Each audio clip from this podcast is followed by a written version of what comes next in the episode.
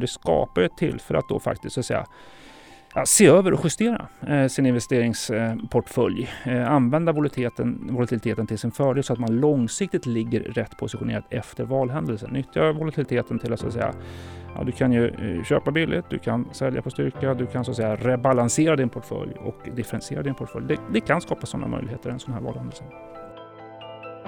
Det här är Investera och agera special. En podcast från Carnegie Private Banking. Det är torsdagen den 22 oktober och ni lyssnar på mig, Jonas Elofsson. Jag är börsredaktör på Carnegie Private Banking och eh, det här avsnittet är ett specialavsnitt till Investera och agera där tanken är att vi ska dyka ner lite mer i ett ämne. Och det är riktig nedräkning. Det är bara 11 dagar kvar till presidentvalet i USA och den 59 i ordningen. Vem, vem ska det bli? Blir det Trump eller Biden? Vad ska man hålla ögonen på? Vilka scenarios finns det och vilka slutsatser ska en investerare dra? Det hoppas vi få svar på idag när vår egen omvärldsstrateg Henrik von Sydow gästar podden. Välkommen! Tack, tack så mycket Jonas. Men eh, först lite grann Henrik, här, du är ju ett välkänt ansikte och, och röst i Carnegiehuset. Vad, vad gör du som omvärldsstrateg? Vi funderar ju varje dag på vad är som händer i världen, vilken framtid kan vi tro på och naturligtvis vad ska vi investera i? Jag försöker bidra till de samtalen genom att eh, titta lite grann runt hörnet, ehm, titta framåt på både så att säga, händelser och processer, både datum och processer som som kortsiktigt kan påverka finansiella marknader, eh, driva volatilitet men också långsiktigt formar makromiljön och eh, formar det nya investeringslandskapet. Och det är inte sällan då en del politiska event eller politiska händelser som till exempel den amerikanska eh, presidentvalet då, som vi vet när den kommer den, den 3 november. Så det, det är händelser som jag följer. Eh, utifrån eh, de där eh, eventen så gör vi en del scenarier. Vi sätter siffror på scenarierna och vi samtalar med eh, våra kunder, våra investerare om vilka konsekvenser det har för, för eh, deras investeringsportföljer. Så jag, jag, jag funderar en del på sambandet då mellan så att säga, politik, pengar och portföljer. Jag har också en bakgrund då. Jag är i grund och botten jurist. Jag har eh, varit verksam som journalist på Dagens Industri eh, och jag har också då eh, varit riksdagsledamot i, i ett par mandatperioder, bland annat ordförande i riksdagens skatteutskott. Så det är en, Möjligen en bakgrund som sticker ut här i huset. Mm. Ja, intressant och eh, väldigt bra för oss här. Eh, om vi börjar då lite grann med att det varit ett, måste man säga, minst sagt händelserikt år. Egentligen ett exceptionellt valår då, där vi inkluderar både pandemi eh, och en ekonomisk recession lite grann kan man säga eh, och en all time high på börsen i början av året som sen kraschade historiskt och återhämtade sig historiskt. Ja, det har helt enkelt varit extrema marknadsrörelser där Henrik. Om du ska sätta det här i lite perspektiv, alltså hur är valhändelser som marknadsfaktor tycker du? Tittar man på, på en valhändelse och kanske framför allt den amerikanska som är en valhändelse i en väldigt stor ekonomi som eh, ju har eh, stor betydelse för, också för Sverige. Vi har en väldigt exponerad mot den ekonomin och de bolagen. Så historiskt sett så fungerar den sortens eh, valhändelser som så att säga eh, i varje fall kortsiktigt dämpande för fortsatta börsuppgångar. Det, det för med sig en eh, serie med osäkerhetsmoment här som jag kan återkomma till. Men så att säga, kortsiktigt fungerar dämpande för fortsatta börsuppgångar. Det är också en händelse som triggar eh, volatilitet. Det skapar så att säga, liksom, större rörelser på de finansiella marknaderna eh, just eh, med den här osäkerheten. Pratar man om osäkerhet kopplat till val så, så är det ju, kan man ju alltid så att säga, liksom, kvalificera det resonemanget. Det är en osäkerhet förstås om eh, vilka som blir de nya beslutsfattarna. Vem, vem blir president? Hur kommer kongressen i Washington att möbleras? Det andra är förstås vilka beslut eh, kommer de beslutsfattarna att fatta? Och det tredje är eh, eh så att säga, hur kommer då investerare och marknad reagera på de besluten? Så det är osäkerhet i, i ett par olika led här också. Just amerikanska valhändelsen är ju mycket komplex för marknaden i den aspekten att det finns flera olika variabler på det. Presidentvalet är en sak, men sen också hur möblerar presidenten kabinettet?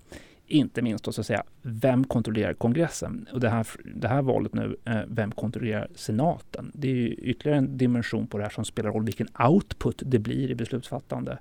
Och också sådana frågor som så här, hur stor blir den här, eh, en, en majoritet i, i, kongressen och i senaten? Det spelar en väldigt stor roll för, vilken, för hur du kan bedöma genomslaget för, för, för policy. Så det är en, så att säga, rätt kom, det, det, vi vet ungefär vilket avtryck det brukar ha på marknaderna. Det är en mycket komplex fråga att bedöma med, med många variabler i det. Det är väldigt mycket olika policy som står på spel, både så att säga, skattepolitik, regleringsmiljö, klimat, energi. Det är många frågor, många policyfält som, som nu kommer att avgöras.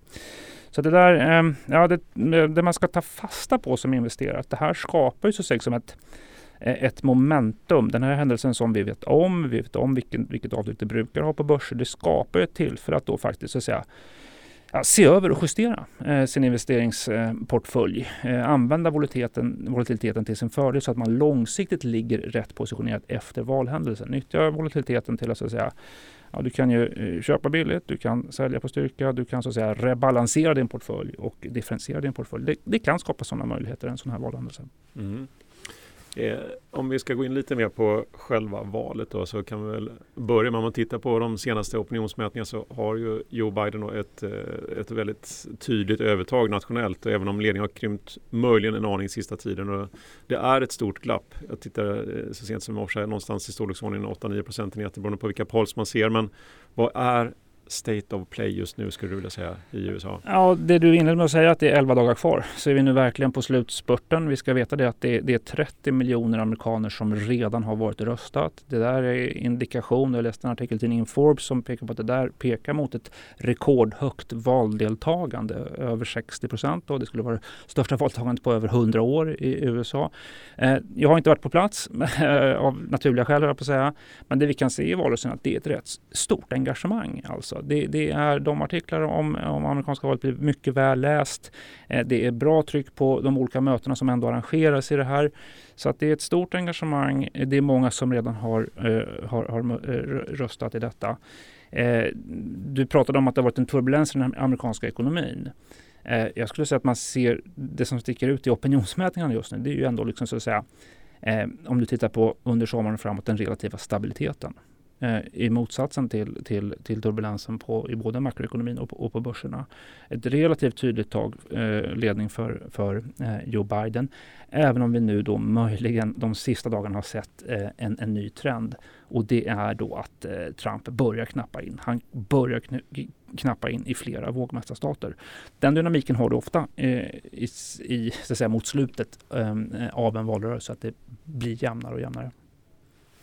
Vad, alltså om du nu kanske kan berätta någonting mer om det. Det, det är just som du säger, swing states då, de här eh, jämna delstaterna som, ja, man väljer ju egentligen de här elektorerna i, eh, för, och inte på själva presidenten. Så det är därav vikten med det. Vad, vad, vad, skulle du säga är det, det här valet kontra förra då med, med, med Hillary Clinton? Eh, vad, vad är dina spaningar där? Ja, men övertaget är ju då, om man tittar bara på nationella mötningar så har det ju varit så att säga 10, nästan 11 procent i ledning för, för Biden för, för någon vecka sedan bara. Det börjar nu gå ner mot ja, 9, det dippar ner mot 8 i någon mätning. Så vi ser på nationella planet en rörelse mot Trump då faktiskt. Eh, sen då extra tydligt i eh, ett par av de här riktiga battleground states, eller swing states, eller vågmästarstaterna. Eh, det är nästan lika i Florida eh, just nu. Eh, det tror jag är en nödvändighet för Trump att faktiskt vinna Florida. Tittar du på de här rostbältsdelstaterna som var så viktiga eh, 2016 så i Pennsylvania, i Michigan så eh, är fortfarande ledning eh, för Biden på 5-6 procent men det krymper ner något. Så också där så finns det en liten rörelse mot, mot Trump i detta. Så Bidens försprång minskar samtidigt det är inte mycket tid kvar. Vi är verkligen på spurten. Det är ja, 11 dagar, då, snart 10 dagar kvar bara. Så att det är frågan om, om Trump så att säga, hinner vända det. Om nu opinionsvinnarna skulle börja gå, gå hans eh, väg i detta. Mm. Och, vad skulle du säga är den drivande dynamiken då i, i detta nu då?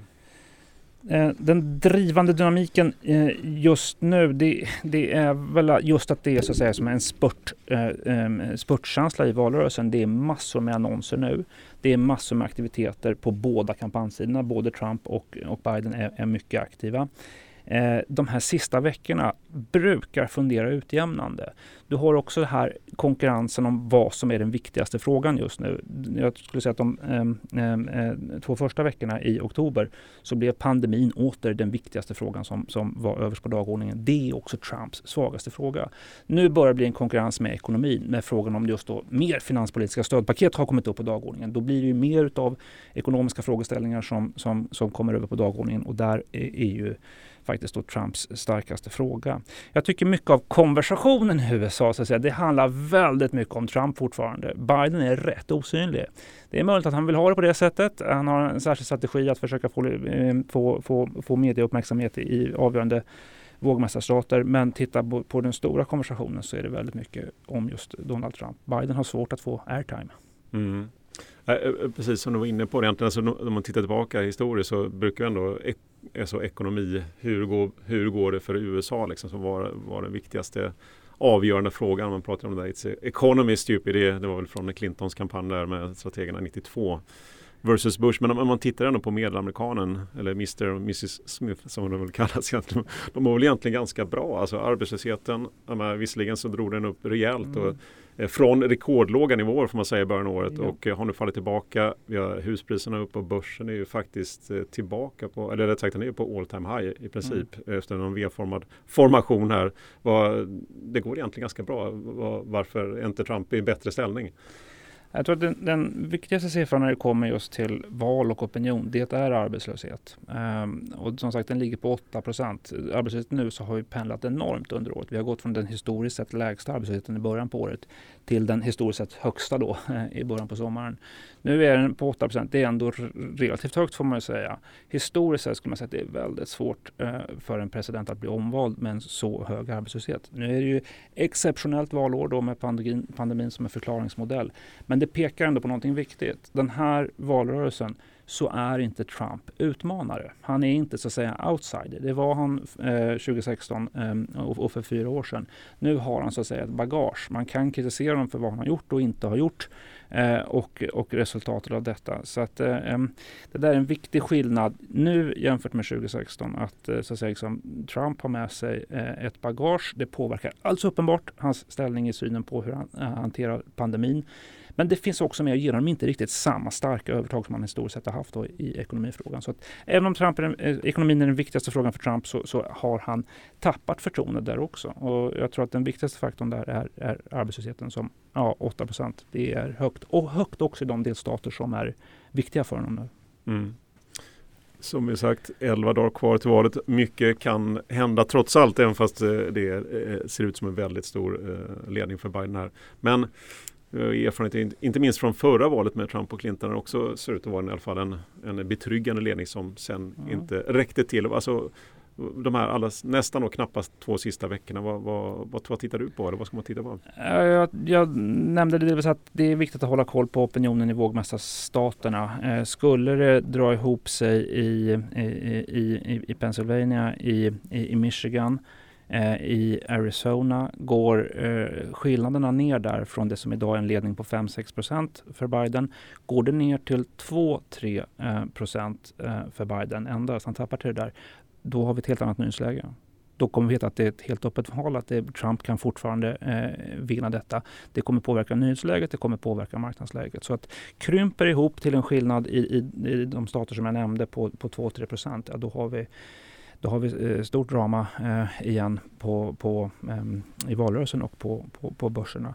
Så de här opinionsförskjutningarna, jag tror att tittar man på den här stora siffran av vad som händer i landet, ja det kan indikera en förskjutning, att folk ändrar uppfattning, att folk bestämmer sig eh, och, och, till vems fördel det, det gör, men framförallt opinionen i vågmästarstaterna.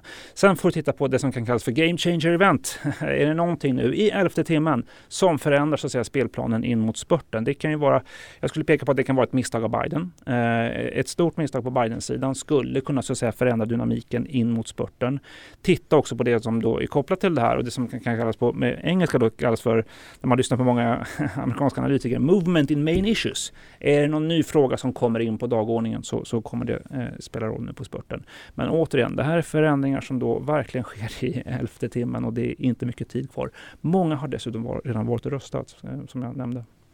Eh, precis. Debatten ikväll. Ja, debatten ikväll inte minst. Precis. Ja, men så är det. Det, det är väl eh, mm. återigen på temat, det är det tillfälle där Biden gör sitt första misstag eh, under valrörelsen. Det finns en del att förlora för honom. Trump måste ju vara bra där också eh, i, i detta. Trump måste ju visa sig mycket bättre än den senaste debatten som ju var ett par veckor sedan nu. Då. Mm. Finns det några liksom, eh, parametrar kring det här eh, att, att det är så pass så säga, säker ledning? Eh, alltså finns det några mekanismer där som gör att kanske färre går och röstar eller du, du sa tidigare också att det var väldigt, eh, vad jag förstår, många som har förtidsröstat mm. Eh, jämfört med historiskt i alla fall. Mm. Vad, alltså, vad, alltså, hur ser du på det här med valdeltagande? Ja, jätteviktigt. Det är jätteviktigt. Alltså det, det, där är det som gör det lite svårbedömt. Det, därför det som verkligen spelar roll, även om du får ett valdeltagande över 60 procent i amerikanska valet, så är det voter turnout, alltså vilka vilka grupper som är, är det som går och röstar? Det är den helt avgörande eh, frågan då så att säga. Och Trumps hopp, eh, Trumps väg till en valseger, det ligger ju i eh, eh, just detta att det måste dra ihop sig något i opinionsmätningarna eh, för att han ska ha eh, en chans. Dra ihop sig ner mot kanske 5-6 i nationella mätningar och som jag sa 2-3 procentenheter i eh, i delstatsmätningar. Sen att då hoppas på att han får en lite större ehm, eh, valdeltagande i bland annat vita väljare, eh, vita lågutbildade, eh, att de går och röstar i större utsträckning. Sånt där kan han vara bra på. Att energisätta dem, mobilisera dem. Eh, det är ju en del i Republikanernas kampanj att få dem att verkligen gå och rösta. Eh, det är den ena faktorn. Den andra faktorn är ehm, Eh, eh, att, att, du har då så att säga det här inslaget av eh, som du kan diskutera men som är ändå en, en, en, en, ett frågetecken som finns, polling error. Att du inte riktigt mäter på rätt sätt. Att Eh, att, att eh, Trump-anhängare, Republikanernas eh, väljare inte uppger och inte går att få tag på inte svarar i opinionsmätningar på samma sätt som demokrater. Det där ska opinionsmätningar vara justerade för men den faktorn finns ändå som en osäkerhet. Det var ju det som hände förra gången, delvis då var... Ja, delvis. Det har blivit lite, ja det, det kan du säga. Det, det, finns ett inslag av polling error som kan prata till, till Trumps fördel. Men där har han en väg. Krymper ihop, Får han ut, eh, så att säga, eh, det är lite flera grupper, men om man tar vita grupper, en del också eh, som, som stöder honom, inte minst i Florida, eh, och får dem att verkligen gå och rösta, ja där har han, eh, så att säga, roadmap till, till seger. Precis, du pratar om game changer event också i eh, svarta svanar på finansmarknaden. Ja. Du kan, prata om vad, alltså, kan du exemplifiera någonting? Vad, vad, skulle det kunna vara som förändrar bilden? Jag, jag, jag nämnde det kort kanske men är det ett misstag på Biden-sidan eh, att Biden gör bort sig på något sätt, en skandal kopplad till Biden-kampanjen, det, det, det, skulle möjligen kunna påverka det. Så var det ju faktiskt 2016 med Hillary Clinton och de här eh, ljudinspelningarna, de här banden som hon hade. Eh, det, det, fungerade ju som en, det gav ju Trump råg i ryggen eh, och, och, medvind de sista tio dagarna just. Så att, eh, mm. eh, ja, kolla efter misstag på Biden-sidan, det kan, det kan förändra spelplanen. Okej Henrik, om vi tar på oss investerarhatten eh, lite mer också då eh, och är lite mer konkret om man får säga så. Men vilka möjliga scenarios tycker du man ska ha, ha reda på så att säga och vilka, vilka är de mest intressanta helt enkelt? Vad ser du? Ja, det är väl egentligen fyra scenarios då. Um, så, som, som får olika konsekvenser för, för eh, investerare och för, och för portföljer. Eh, jag vet inte, ska vi gå igenom en till fyra höll jag på att säga. Ja, eller, eller kör, kör kanske ditt basscenario. Ja, vad, vad är mest roliga? Basscenariot, det som vi sätter som, som, som base case i det här, det, det är eh, att Biden vinner en knapp seger. Det sätter vi 35 procent sannolikhet på. Det är 30 procent att han vinner en stor seger, att det blir så att säga som en, en blue wave eller eh, en Biden blowout så att säga. Men, men, men vårt huvudscenario det är att Biden vinner, men han vinner rätt knappt och att det blir en så att säga splittrad eh, kongress eh, med, med detta. Mm. Eh, det där eh, med Biden som president, det är positivt för, för eh, europeiska börser skulle vi peka på. Det är positivt också för för delar av den svenska börsen. Det är definitivt så liksom positivt för med Biden, så få, med Biden som amerikansk president så skulle du få så att säga, du tar ner den globala, det globala riskläget går ner. Eh, det där är gynnsamt för, för Europa. Europa har varit lite, europeiska börser har varit något tyngda, inte minst då fordonsindustrin har naturligtvis varit tyngda av osäkerheten kring amerikansk utrikeshandelspolitik eh, kopplat då till hotet om Eh, tullar på fordonsindustrin så att säga. Så, där. så att det, det, skulle vara positivt för ja, eh, Volvo Cars, det skulle vara positivt för eh, Veoneer, positivt för Autoliv och, och svenska bolag i, i, i, i fordonsindustrin eh, som exempel. Då. Biden i Vita huset, även om det är med en splittrad kongress, absolut positivt för ESG-trenden naturligtvis. Framförallt E1 i, i, i ESG. Eh, positivt för sig som så här, eh, vad ska man säga, sol, vind och vatten om du uttrycker lite förenklat. Mm. Eh, motsatsvis då naturligtvis negativt för, för olje och gasindustrin. Hur mycket av det där som tippar över till europeiska börser är lite svårt att se. Vi har inte så, så tydliga börsinslag av just sol, vind och vatten på svenska eh, eh svenska börsen.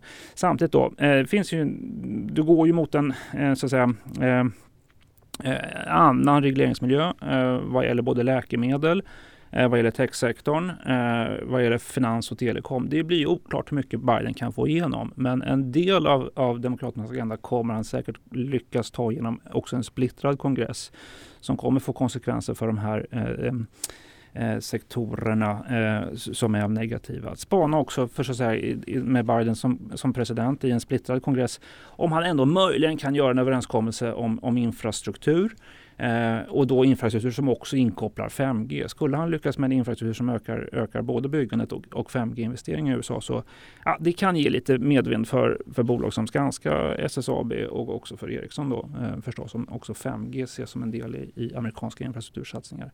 Men här krävs det kompromisser. Eh, så att, eh, Ehm, det, ehm, det återstår ju att se då, hur mycket av det som är Demokraternas program som faktiskt går att genomföra. Kompromisser kommer att vara nödvändigt. Då blir så att säga, man får, får ju säga om man går över på det andra scenariot då, som är att Biden vinner stort. Eh, han vinner med en väldigt tydlig marginal, att man får det som jag nämnde då som en blå våg eller, eh, eh, eller Biden blowout i, i detta det får ju så att säga, liksom lite ska säga, tydligare marknadsreaktioner eh, i och med att det blir lättare för Biden att få igenom delar av Demokraternas eh, eh, eh, eh valmanifest i, i detta. Det, det är det scenariot att det blir en blue wave, jordskredsseger för Biden. Demokraterna tar kon kontroll över kongressen och senaten då med detta.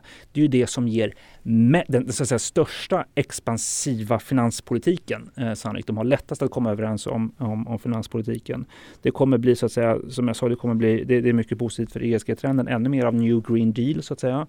Eh, I det här. Du kommer att se ökade offentliga investeringar i sjukvård också, i utbildning och också verkligen ett infrastrukturspaket på plats. Återigen då, positivt för, för, för de bolag som jag nämnde har du det här andra scenariot då med jordskredsseger för Biden, ja då har, ska du också samtidigt i detta addera in att du har ju över tid, kanske inte omedelbart, kanske inte nästa år, men du har ju över tid en annan skatterisk i USA, en annan regulatorisk eh, eh, eh miljö för uppenbart tech skulle jag säga, också för telekom, också för finanssektorn, definitivt för, för, för läkemedel. Plus att du Ja, det Demokraterna pratar om att det höja bolagsskatten från 21 till 28 procent.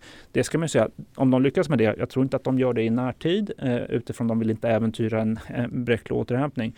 Men lyckas de med det så, så skulle de höja bolagsskatten så har det konsekvenser också för svenska börsbolag som har eh, verksamhet i USA och betalar bolagsskatt där. Och det är ju en stor del av de svenska börsbolagen. Det är i praktiken bara bank och skogsindustrin som, som, som inte har verksamhet i USA. Nu är det på flera marknader men USA är ofta en, en, en viktig i det här.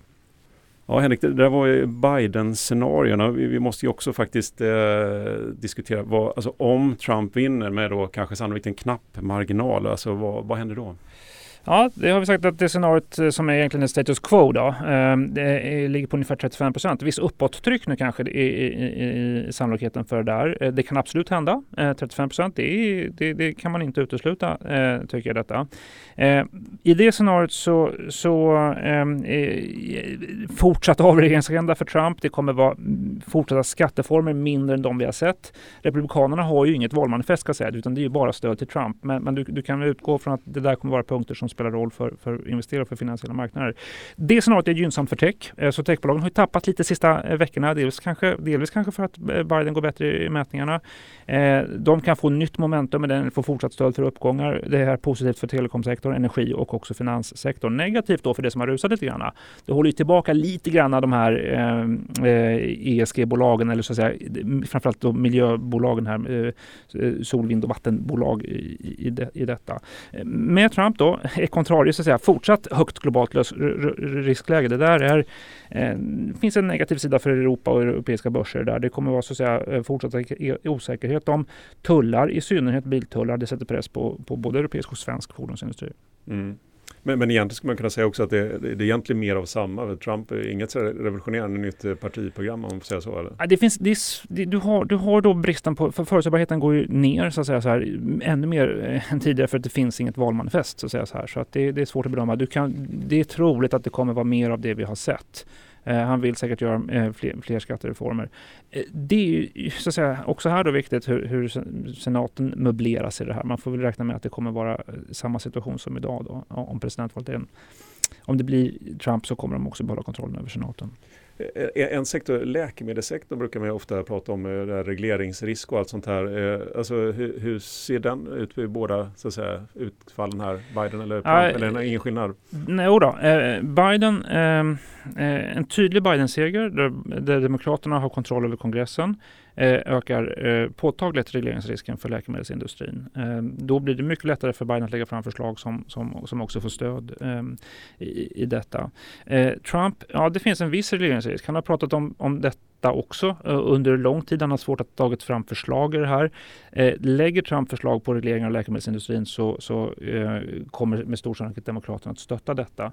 Så att det finns, det, det, det, det är ett press på, på läkemedelsindustrin egentligen oavsett kandidat. Pressen blir ännu större, regleringsrisken blir så att säga, tydligare med Biden som president. Och så kanske vi då ska avsluta med det, det kanske är värsta scenariet för, för börsen egentligen om man då kommer ställa sig frågan efter, alltså vem vann egentligen valet här? Eller contested election? Vad, vad, vad säger du där? Blir det jämnare opinionsmätningar de sista tio dagarna här nu, då kommer det här scenariot komma tillbaka. Eh, det är ju egentligen marknadens mardrömsscenario. Då, då kommer sannolikheten för detta att, att, gå upp. Det kan ju vara både då att det blir, faktiskt blir osäkerhet, att det blir svårt att räkna rösterna för att det är så jämnt. Eh, det kan ju också då vara ett valresultat som, som inte accepteras av, av ändra parterna. Eh, det är väl det som så att säga tydligast då driver eh, volatilitet på de finansiella marknaderna, verkligen. Eh, och eh, naturligtvis negativt marknadsscenario. Eh, det pratas ju ibland om så att säga October surprise. Vad kommer hända i valrörelsen som överraskar? Det här öppnar upp för så att säga November surprise, December surprise. Att det tar en väldigt lång tid innan vi får, får eh, det här beskedet. Och framförallt då att det under den perioden blir svårt att fatta beslut om eh, nya finanspolitiska stödpaket. Det, det, tror jag är den konkreta faktorn som skulle eh, störa marknaden. Plus möjligen att du, du, får ett så att säga, besvärligt geopolitiskt läge om det är oklart om, om vem som faktiskt styr USA under eh, en period eh, Eh, i, i detta. Ehm, ett par datum är viktiga. Eh, 8 december är så att säga liksom deadline för domstolsprocesser och domstolsöverklagande. Eh, om, det sägs ju då att båda sidor biffar upp sina jurister nu och sparar pengar för just domstolsprocesser. Det här. Eh, sen har du ett datum som är den 6 januari där elektorerna faktiskt ska, ska, ska rösta i kongressen och den 20 januari då ska ju presidenten installeras. Ja, vi får väl hoppas av massa skäl eh, att vi får ehm, eh, ett tydligare ehm, besked om vem som blir president eh, än i januari. Så eh, om man eh, kanske ska summera lite grann det du säger då eh, i det här i första och andra scenariot där båda Biden vinster med knapp eller så att säga betydande marginal så får man Alltså du ser en minskad global risk kan man säga men samtidigt ökad regleringsrisk i ett antal sektorer och eh, sannolikt skattehöjningar också men gynnsamt så att säga för gröna sektorer bland annat och eh, offentliga investeringar. Eh, och man kanske också kan tillägga att det, det är väl ju tydligare ett resultat utfall blir, så att säga, oavsett vinnare egentligen, så är det ju eh, börsen hatar osäkerhet. Så där ja. var det ju liksom och, det bästa. Och en viktig justering under det här året är att pandemin har ju ritat om så att säga, marknadens uppfattningar av de här scenarion. Eh, när fokus nu efter pandemin ligger på stora stödpaket då ser det ut som att marknadens uppfattning är att det är Biden Eh, eh, Eh, eh, med en eh, majoritet också i senaten och med kontroll över kongressen som har enklast att leverera just stora stödpaket. Mm. Ja, viktig poäng där och eh, viktig scenförändring ska man nog kunna säga faktiskt på, som man kanske inte såg. Men vad, om vi ska börja närma oss lite slutsatser då för eh, investerare, Henrik. Vad, vad, vad, vill du säga? Ja, men jag del, nämnde redan inledningsvis det här just att använd, använd valhändelsen och eh, volatiliteten som en möjlighet att, så att säga, justera investeringsportföljen så att investerare är rätt positionerade långsiktigt. Alltså nyttja volatiliteten till ens fördel. Köp billigt. Eh, Eh, sälj på styrka, rebalansera portföljen, differentiera portföljen. Det är, det är eh, valhändelsen ger en sån möjlighet och det är någonting som vi gärna Carnegies rådgivare gärna hjälper till med naturligtvis. Eh, givet hur opinionsläget ser ut. Eh, det är ändå då så att säga, liksom, även om det är en liten, Trump-scenariot ligger på 35 procent, viss uppsida där möjligen. Men i huvudsak, mm, jag tycker investerare kan reflektera över vad en Biden-seger faktiskt betyder för, eh, för portföljen jag tror det kan vara klokt att, det som jag är inne på, notera att det finns ju två Biden-scenarion här då. De, de slår rätt olika. Så, så att säga, det här slaget om senaten, vem som vinner senaten, om det blir demokratisk eller republikansk kontroll, det kommer verkligen påverka magnituden av marknadsreaktioner. Det kommer påverka vilken sorts eh, president Biden blir. Blir han så att säga centrist eller blir han Ehm, eh, eh, eller får Demokraterna lättare genomslag, också Demokraternas vänsterfalang i detta. Sen när man pratar så mycket om politik, man måste ju skicka med det så naturligtvis då så att, säga, att man kanske inte ska så att säga, överskatta valhändelsen eh, som sådan. Det finns många andra faktorer, flera andra faktorer i ekonomin som, som påverkar marknaden mycket mer. Och också man pratar om det här med policy, man kan ju påpeka att det är en policy som kommer vara konstant mm, oavsett utfall i det amerikanska valet och det är ju att det är penningpolitiken. Eh, det är så att säga Fed-stödet till marknaden kommer ju bestå oavsett hur, hur, vem som blir president och hur, hur kongressen eh, möbleras. Mm. Och precis, och det är verkligen kanske värt att poängtera det, det du sa där. Att, eh, men Donald Trump är kanske lite speciell på det sättet. Han, han gjorde ju klart väldigt tidigt att han ser börsen som ett kvitto på eh, alltså den personliga framgången. Det finns väl ingen som har varit så fokuserad på att mäta så att säga, hur, hur mycket börsen har stigit under hans tid. Hans tid. Men alltså, historiskt har ju egentligen valet av president inte spelat så väl, alltså det har ganska liten roll för aktiemarknaden egentligen. Alltså det har ju mer varit konjunktur, kriser och, och har varit betydligt viktigare. Och snarare kanske timing när tillträdet har varit som, som president. Eh, och kanske också det du säger med Fed-stödet egentligen, det är väl snarare att det är kanske den viktigaste eh, eh, komponenten, alltså centralbankschefen Jeremy Powell i nuläget då, som är en betydande påverkansfaktor. Och kanske faktiskt är den viktigaste för börsen skulle jag säga.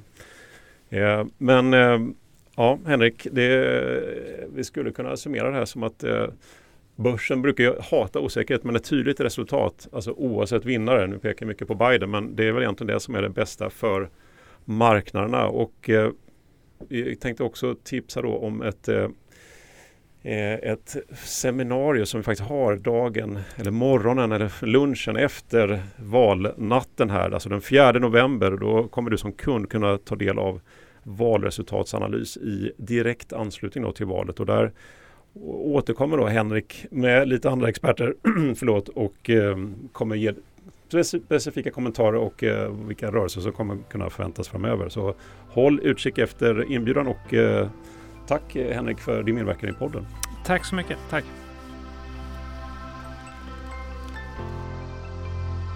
Du vet väl att den här podden finns på både Spotify och iTunes? Om du tyckte det här avsnittet var bra får du gärna ge oss ett betyg eller rekommendera podden vidare.